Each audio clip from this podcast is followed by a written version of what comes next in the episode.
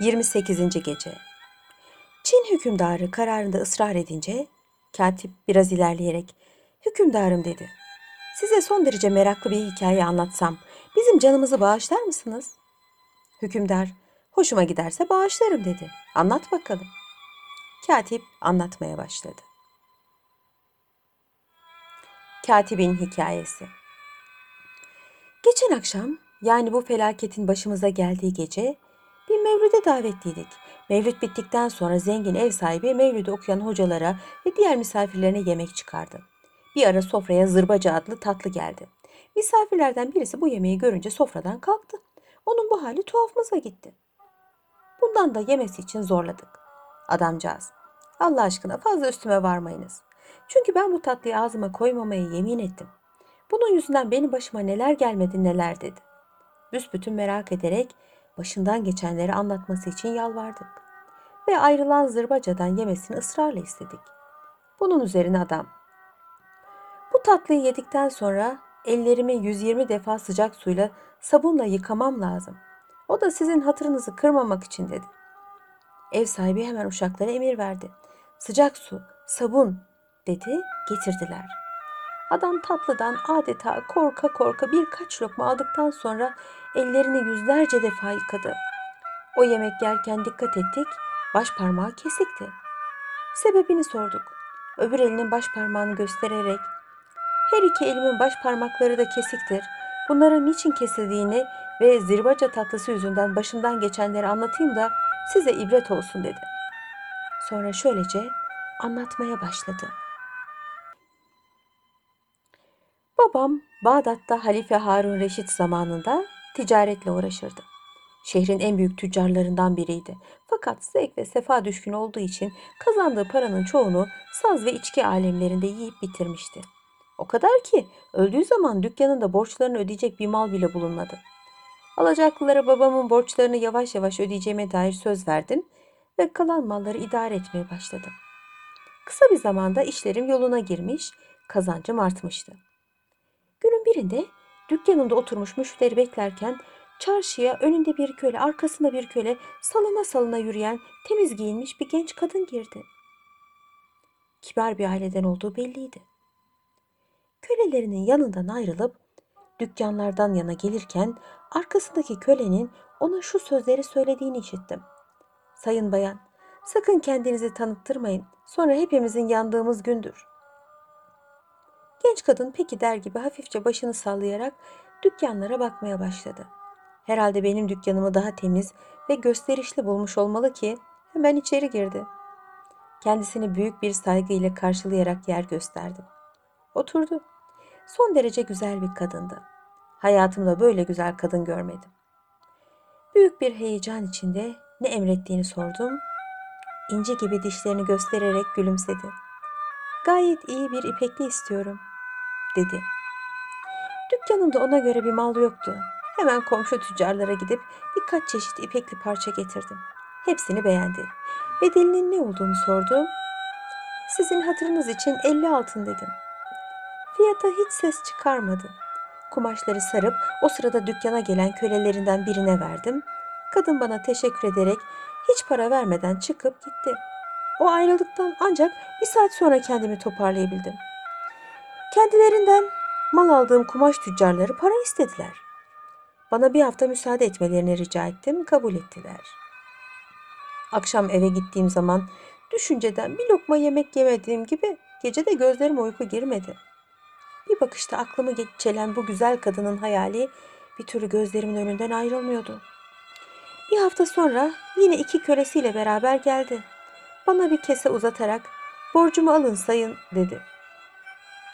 Ben sırf onun yüzüne bakmaya vesile olur diye paraları aldım, saymaya başladım. Tam elli altındı. Teşekkür ettim. Gülümseyerek biraz şundan konuştu, biraz bundan. Söz arasında evli olup olmadığımı da sordu. Bekarım. Henüz kadın nedir hiç bilmiyorum diye cevap verince hafifçe gülümsedi. Nihayet dayanamadım.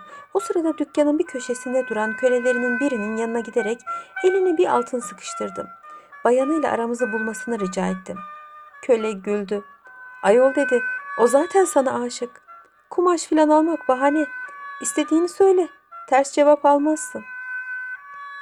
Bu sözlerden cesaret alarak sözde kumaşlara bakmakta olan genç kadının yanına geldim.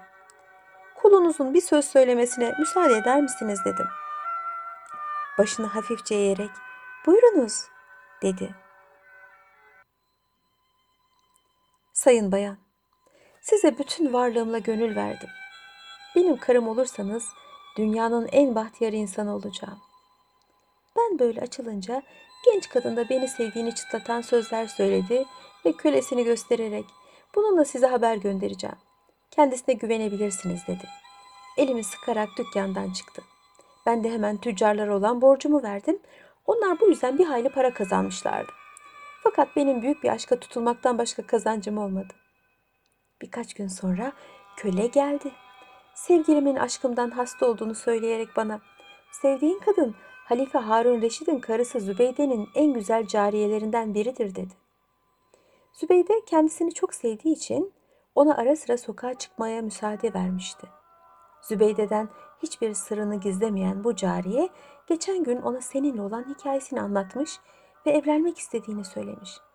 Halifenin karısı, varacağın genci ben de görmeliyim. Tam sana denk olabilecek bir durumda ise veririm. Yoksa kabul etmem demiş. Bunun için şimdi seni saraya götürmek istiyoruz. Yalnız oraya girmek tehlikelidir. Allah göstermesin muhafızlar saraya yabancı bir erkeğin girdiğini görürlerse yakalar kıtır kıtır keserler. Ölümü gözüne alırsan oraya girmek için ne yapacağını söyleyeyim.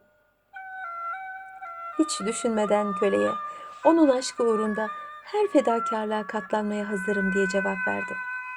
Köle, Dicle Nehri kenarında Zübeyde Hatun'un yeni yaptırdığı camide namaz kıldıktan sonra orada kalırsın. Gece yarısı kayıkla gelir seni alırız dedi. Bunun üzerine geleceğimi söyledim. Köle gitti. Ben de dükkanımı kapayarak hamama girdim. Yıkandıktan sonra eve gittim, giyinip kuşanarak yatsıya kadar şurada burada oyalandım. Vakit gelince tarif edilen camiye gittim. Orada yatsı namazını kıldıktan sonra bir köşeye çekilip beklemeye başladım. Gece yarısından biraz sonra kıyıya büyükçe bir kayık yanaştı. İçinden sevgilim çıktı. Büyük bir sevinç ve heyecanla beni kucakladı. Sonra kölelerinin kayıktan çıkardıkları büyükçe bir sandığa girmemi söyledi. Girdim. Sandığı kapatarak tekrar kayığı aldılar. Aradan çok geçmeden kendimi Zübeyde Hatun'un harem dairesinde buldum. Hayran hayran etrafıma bakınırken bulunduğum salonun kapısından 20 genç kız arasında elmaslar ve altınlar içinde Zübeyde Hatun'un girdiğini gördüm. Hemen ayağa kalktım. Zübeyde Hatun yanıma yaklaşarak "Hoş geldin." dedi. Hatırımı sordu ve ailem hakkında bilgi edinmek istedi. Kısaca anlattım. Memnun oldum. Öz kızım gibi büyüttüğüm cariyemi sana veriyorum dedi. Tam ona layık bir gençsin. Sen de onun kıymetini bil. Hemen eteğini öperek teşekkür ettim ve evlenmeye razı olduğumu söyledim. Zübeyde Hatun sarayında on gün kadar kalabileceğimi de söyleyerek yanımdan ayrıldı. Orada on gün kaldım. Bu günler içinde alacağım kızı hiç görmedim. Yemeklerimi ve yatağımı başka başka halayıklar hazırlıyorlardı. Onuncu gün Zübeyde Hatun yanıma geldi. Evlenmemiz için kocası Harun Reşit'ten müsaade aldığını söyledi. O gün nikahımız kıyıldı. Akşam üzeri sevgilimle gerdeğe girdik. O sırada önümüze büyük bir sofra getirdiler. İçinde çeşit çeşit yemekler ve tatlılar vardı. Bir an evvel sevgilimle baş başa kalmak için acele acele birkaç lokma yedim. Sofrada bulunan zırbacının iştah verici görünüşü hoşuma gitti. Ondan da bir iki lokma aldım. Sonra heyecandan ellerimi bile yıkamaya lüzum görmeden o sırada beni kuş tüyüyle doldurulmuş ipek sedirin üzerinde bekleyen sevgilimin yanına gittim. Kollarımı boynuna doladım. Kendisini öpmek isterken birdenbire elimi tuttu, kokladı, sonra acı bir çığlık kopardı. Hemen odaya birkaç halayık koştu. Ne olduğunu sordular. Beni göstererek şu mundar sersemi çıkarın odamdan diye bağırdı. Halayıkların yaşlısı ne yaptığımı sordu. Sevgilim daha ne yapacak?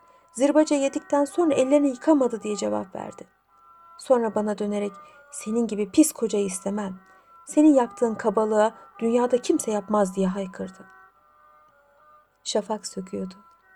Şehrazat hikayesini burada kesti. Ertesi gece hükümdar kocasının müsaadesi üzerine masalına şöyle devam etti.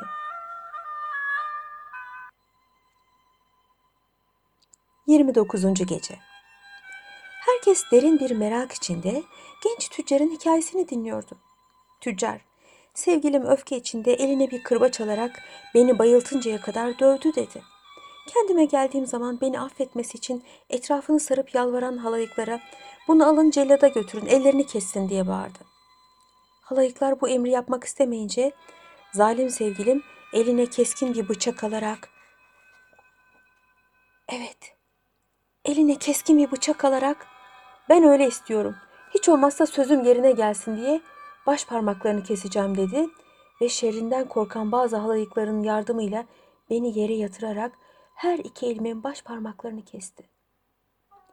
Yaralarımı ilaçlayıp sardılar. Beni odada yalnız bırakıp çıktı. On gün yanıma uğramadı. O günden sonra bu zirbaca denilen nesneyi yememeye, yersem de 120 defa ellerimi yıkamaya and içtim. Genç tüccarın anlattığı bu garip hikayeyi dinleyince kendisine hak verdik ve ondan sonra ne yaptığını sorduk. On gün sonra sevgilimle barıştık. Bana para vererek dışarıda bir ev kiralamamı söyledi. Gittim, iyi bir konak tuttum. Oraya taşındık. Saraydan birçok kıymetli eşyalar getirdi. Onunla mesut bir hayat yaşıyoruz. Ara sıra yaptığı o çılgınlıkları hatırlıyor, pişmanlık duyuyor. Ben de onun yardımıyla işimi büyüttüm. Geçinip gidiyoruz. Şimdi de buraya mal almaya geldim. Genç tüccar burada sözlerini bitirdi. Ben de Mevlüt'ten çıktıktan sonra evime gittim. O kamburun ölüsüyle karşılaştım. Umarım ki sayın hükümdarım bu hikayeyi beğenmişlerdir. Çin hükümdarı dudak büktü. Bu hikaye deminkinden daha güzel ve meraklı değil. Hepinizi astıracağım dedi. Sabah oluyordu. Şehrazat masalını ara verdi. Ertesi akşam hükümdar karısının masala başlamasını dört gözle bekliyordu. Şehrazat şöyle başladı. 30. gece. Hükümdar katibin anlattığı hikayeyi beğenmeyince Yahudinin dizleri titremeye başlamıştı. Ulu hükümdarım dedi. Ben size bunların hepsinden meraklı bir hikaye anlatacağım. Hoşunuza gidecek olursa bizim canımızı bağışlar mısınız? Hükümdar, hele bir söyle, sonra düşünürüz dedi. Yahudi anlatmaya başladı.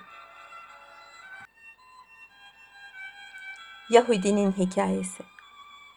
Bir zamanlar Şam'da bulunuyordum. Esasen hekimliği orada öğrenmiştim. Bir gün temiz giyinmiş bir uşak gelip beni bir konağa davet etti. Gittim.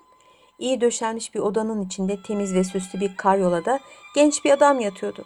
Selam verip şifa diledikten sonra elini vermesini söyledim. Bana sol elini uzattı.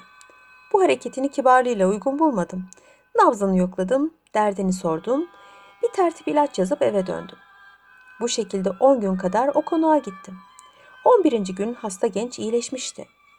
Üst katta görüsü daha iyi olan bir odaya çıkıp biraz çene çalmamızı teklif etti. Hatırını kırmadım. Üst kattaki odaya çıktık. Orada güzel bir sofra kurulmuştu. Beni yemeğe davet etti. Oturdum. Delikanlı henüz iştah açılmadığı halde ben yiyeyim diye her yemekten yiyor, beni memnun etmeye çalışıyordu. Yalnız dikkat ettim, hep sol eliyle yemek yiyordu. Bir ara kendisine sağ eline ne olduğunu sordum ve başından geçenleri anlatmasını rica ettim. Hatırımı kırmayarak anlattı. Bizim ailemiz Musulludur. Babam oranın en büyük tüccarlarından biriydi. Benim tam dokuz tane amcam vardı. Hepsi evli olduğu halde hiçbirisinin çocuğu yoktu. Bir gün babamla amcalarım seyahatten ve birçok şehirlerin güzelliğinden bahsederken kendilerine kulak misafir oldum. Bende de memleket memleket gezmek hevesi uyandı. Birkaç gün içinde bu heves adeta beni çılgına döndürdü. Derdimi babama açtım. Çok yalvarıp yakardığım için dayanamadı. O sırada yolculuğa hazırlanan amcalarıma katılmamı söyledi. Üstelik bana gittiğim yerlerde satmak üzere birçok da mal verdi. Birkaç gün içinde hazırlığımızı bitirdikten sonra amcalarımla beraber yola düzüldük. Evvela Halep'e, oradan da Şam'a gittik. Bu meyvası ve suyu bol şehir çok hoşumuza gitti. Orada hanlardan birine inerek getirdiğimiz malları satışa çıkardık. Çok para kazandık. Amcalarım orada bir hafta kaldıktan sonra beni bırakıp Mısır'a yollandılar. Sabah olmuştu. Şehrazat gülümseyerek doğan güneşi kocasına gösterdi. Ertesi akşamda bıraktığı yerden tekrar masalını anlatmaya koyuldu. 31. gece. Amcalarım Mısır'a gittikten sonra kendime büyük bir ev kiraladım. Kazandığım parayı yemeye başladım. Bir gün kapının önünde dururken önümden kırıta kırıta yürüyen bir genç kız geçti. Çok iyi giyinmiş olan bu kızı işaretle yanıma çağırdım. Biraz düşündükten sonra geldi. İçeriye aldım. Evde benden başka kimse olmadığını görünce hemen feracesini çıkardı. Bütün güzelliğini gösteren ince ipekli bir fistanla kalmıştı. Çok hoşuma giden bu kızla hoşça vakit geçirmek için elimden ne geliyorsa yapacaktım. Hemen güzel bir sofra hazırladım. Karşı karşıya geçip hem içmeye hem de muhabbet etmeye başladık. Geç vakte kadar süren bu eğlencemizin sonunda ikimiz de adam akıllı sarhoş olmuştuk.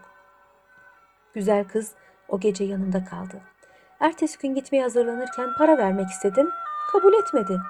Üstelik o bana birkaç altın vererek üç gün sonra akşamüstü geleceğim. Bu parayla iyi bir sofra hazırla. Ben arkadaşıma yük olmak istemem. Kabul etmezsen darılırım dedi.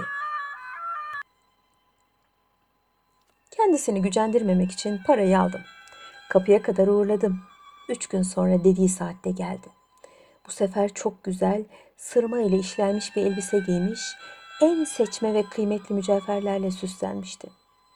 Evindeymiş gibi kollarını sıvayarak sofranın hazırlanmasına yardım etti. Sonra oturduk.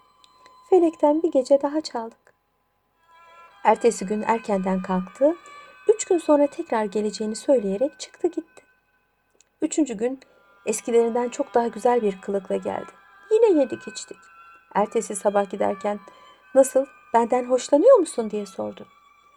Bundan şüphe etmemesini söyledim. Bunun üzerine müsaade edersen bu akşam benden daha genç ve daha güzel bir kızla geleyim. Beraber eğleniriz. Daha iyi olur dedi ve bana 20 lira vererek her şeyi bol bir sofra hazırlamamı tembih etti. O gittikten sonra çarşıya çıktım. Gelecek misafirin şerefine birçok şeyler aldım. Ben bir genç kız gibi sofra hazırlarken kapı çalındı. Büyük bir heyecan içinde koştum. Kapıyı açınca feracelerine sıkı sıkı bürünmüş iki genç kızla karşılaştım. İçeri girip soyundular. Yeni gelen küçük kıza baktım. Görülmemiş derecede güzeldi. Gayet serbest bir tavırla ablasına yardım etmeye başladı. Sofranın eksiklerini çabucak tamamladılar. Üçümüz sofraya oturduk. Küçük kız yanımda yer almıştı. Ona fazla iltifat ettiğimi ve durmadan kadehine içki koyduğumu gören büyük kızın onu kıskandığını fark ettim. Her ne kadar belli etmek istemiyorsa da bazı hareketlerinden anlaşılıyordu. Bir ara küçük kızın dışarıya çıktığını görünce kulağıma eğilerek "Nasıl? Bu kız benden güzel değil mi?" diye sordu. Boş bulunup "Evet." deyince "Ben çok yorgunum. Bu akşam erken yatacağım.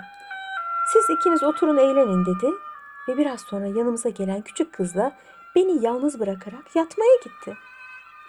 Küçük kızla gece yarısına kadar eğlendikten sonra ikimiz de olduğumuz yerde sızıp kalmışız. Sabahleyin gözlerimi açtığım zaman elimin kana bulanmış olduğunu fark ettim. Bunun sebebini anlamak isteyerek sedirin üzerinde uzanmış olan küçük kızı uyandırmak için başını salladım. Birdenbire başının gövdesinden ayrıldığını gördüm. Büyük bir korku ve heyecan içinde dışarıya fırladım. Büyük kızın yattığı odaya baktım. Orada yoktu. Cinayeti onun işlediğini anladım. Hemen evin avlusundaki mermerleri söküp büyük bir çukur kazdım. Öldürülen küçük kızı bir halı parçasına sarıp oraya gömdüm. Sonra mermerleri eskisi gibi yerine koyarak bütün cinayet izlerini yok ettim. İki gün evde kaldım. Üçüncü gün hamama gidip yıkandım. Çıktıktan sonra elimi cebime attım. Paralarımın suyunu çektiğini görünce ölen küçük kızın boynundan aldığım gerdanlığı kuyumculara götürüp satmaya karar verdim. Çarşıya gittiğim zaman daha dükkanların hepsi açılmamıştı.